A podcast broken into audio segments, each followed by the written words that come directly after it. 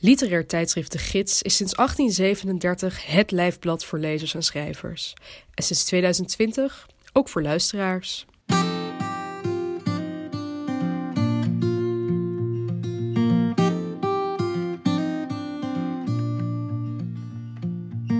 Je luistert naar de 65ste aflevering van Sprekende Letteren. Een podcast met verhalen, essays en poëzie uit de gids, voorgelezen door de schrijver of dichter zelf.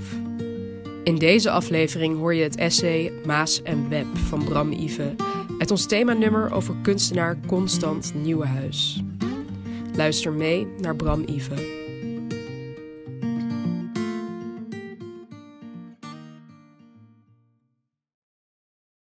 Kom binnen en schuil, want buiten is het koud. Het is 1924 en 2021 en ik bezoek het Rietveld Schreuderhuis in Utrecht. Wie de eerste ontwerpen van Gerrit Rietveld bekijkt, weet dat de ontwerper en architect meer nodig had dan enkel de aansporing van Truus Schreuder. Het was een blokkendoos, dicht, gesloten, van binnenuit bedacht. Schreuder stuurde Rietveld een andere kant op, de open ruimte in, licht, lucht, van buitenaf naar binnen. Ik sta op de eerste verdieping van het huis, waar Truus Schreuder lange tijd met haar zoon en twee dochters woonde, en ik kijk naar de raampartijen vanuit de keuken. Ik heb uitzicht op het noorden en uitzicht op het oosten. Maar wanneer de ramen opengaan, lijken samen met de raampartijen ook de muren en de windrichtingen te verdwijnen.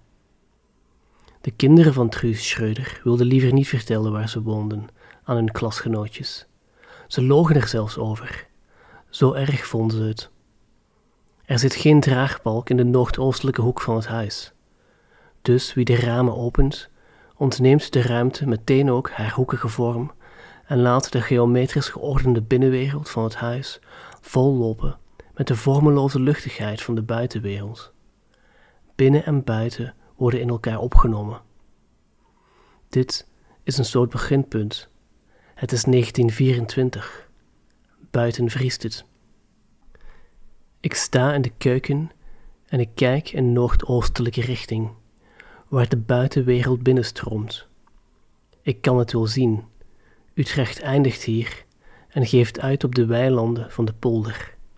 De lakenvelders staan te grazen in het aangevroren gras. Right hand rule. Leg je rechterhand tegen de muur en beweeg, tastend als het donker is, stelger als het licht is. Laten we hopen dat de tegenpartij nog nooit van Maze Theory gehoord heeft. In 1954 werkte Constant Nieuwenhuis korte tijd samen met Gerrit Rietveld. Constant op dat moment vooral actief als schilder, werd door Rietveld betrokken bij een opdracht die hij had gekregen van de Bijenkorf in Amsterdam. Op de derde etage organiseerde de warenhuisketen de expo Ons Huis, Ons Thuis, kleurenharmonie in uw woning. Dit is de wederopbouw. Huiselijkheid was nooit een bijzaak in dit land, nu al helemaal niet. Enkele jaren eerder in 1946 lanceerde de overheid de campagne Gezinsherstel is volksherstel. Het is ook het tijdperk van de binnenwereld, interior design, het tijdperk van de bijenkorf. Vanaf 1926 groeit de bescheiden fourniturenwinkel in Amsterdam uit tot een succesvolle landelijke keten die grote, innovatieve architecturale binnenwerelden liet ontwerpen waarin vooral de naoorlogse koper mocht verdwalen. Aan het eind van de jaren tachtig, kind nog, bezoek ik met mijn ouders zo nu en dan de Bijenkorf in Eindhoven. Het is één zo'n binnenwereld, ontworpen door de Italiaanse architect Gio Ponti. Als het regende, gingen we er schuilen. Het was er druk genoeg, je werd er niet gestoord. Constant en Rietveld ontwierpen samen de kleursuggesties voor de expo Ons Huis. De revolutionaire idealen van de stijl zijn er nog aan af te lezen. De muren van de keukens, woonkamers en slaapkamers werden in geometrische vlakken verdeeld van steeds verschillende kleuren.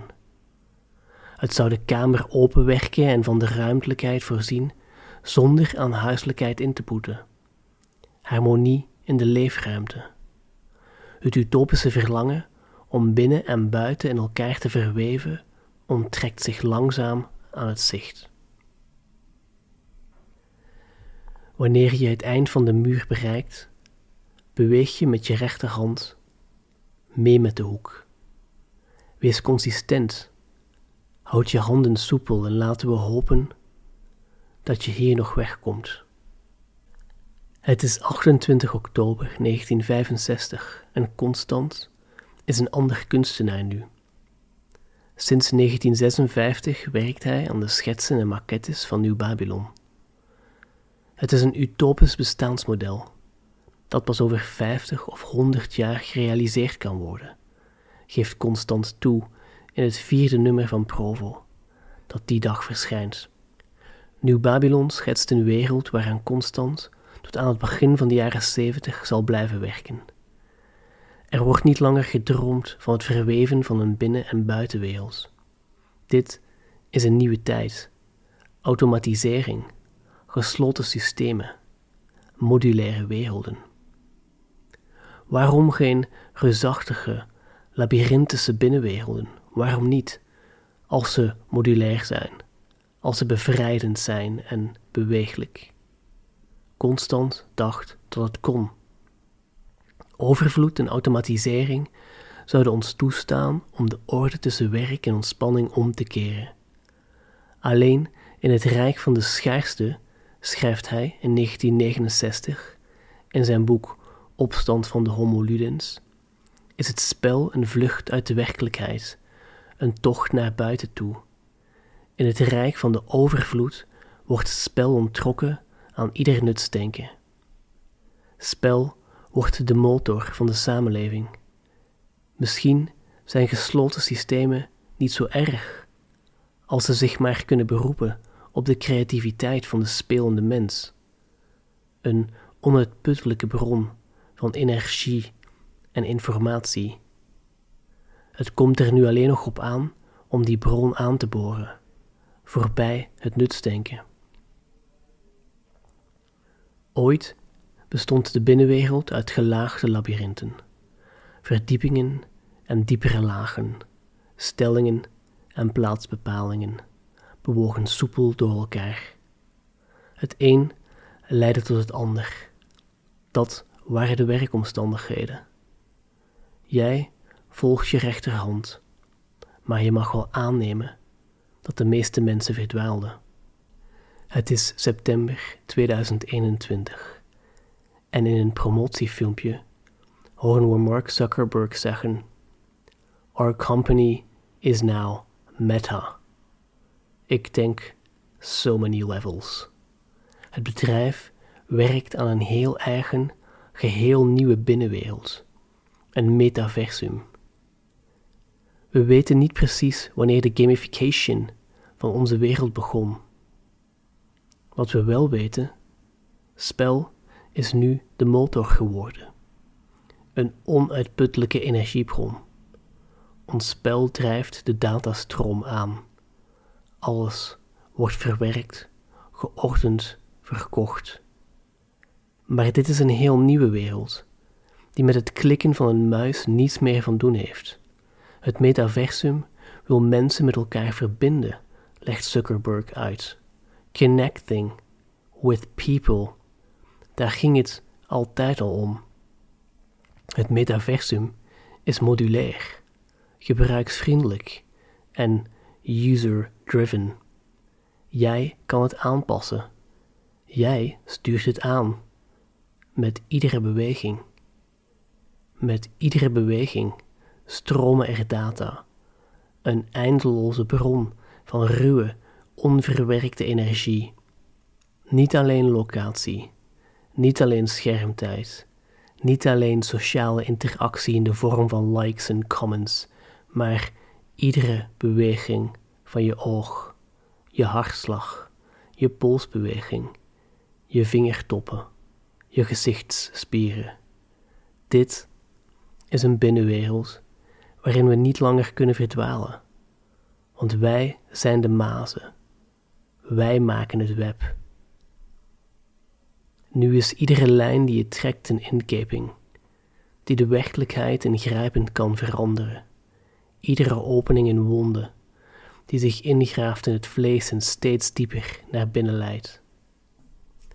Het is laat in 2021 en we zijn weer in lockdown.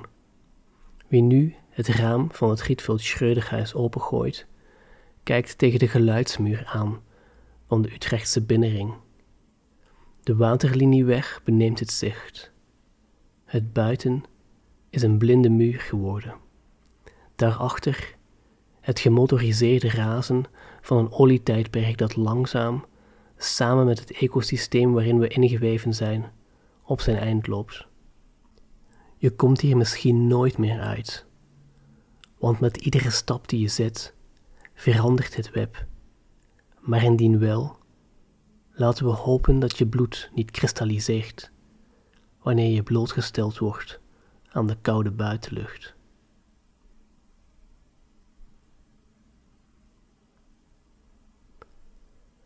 In dit essay zijn citaten verwerkt van het vierde nummer van Provo, van Opstand van de Homo Ludens van Constant, van The Cybernetic Hypothesis van Tikkun, uit enkele toespraken van Mark Zuckerberg over meta en het metaverse, en van enkele afleveringen van het tweede seizoen van de Netflix-serie Another Life.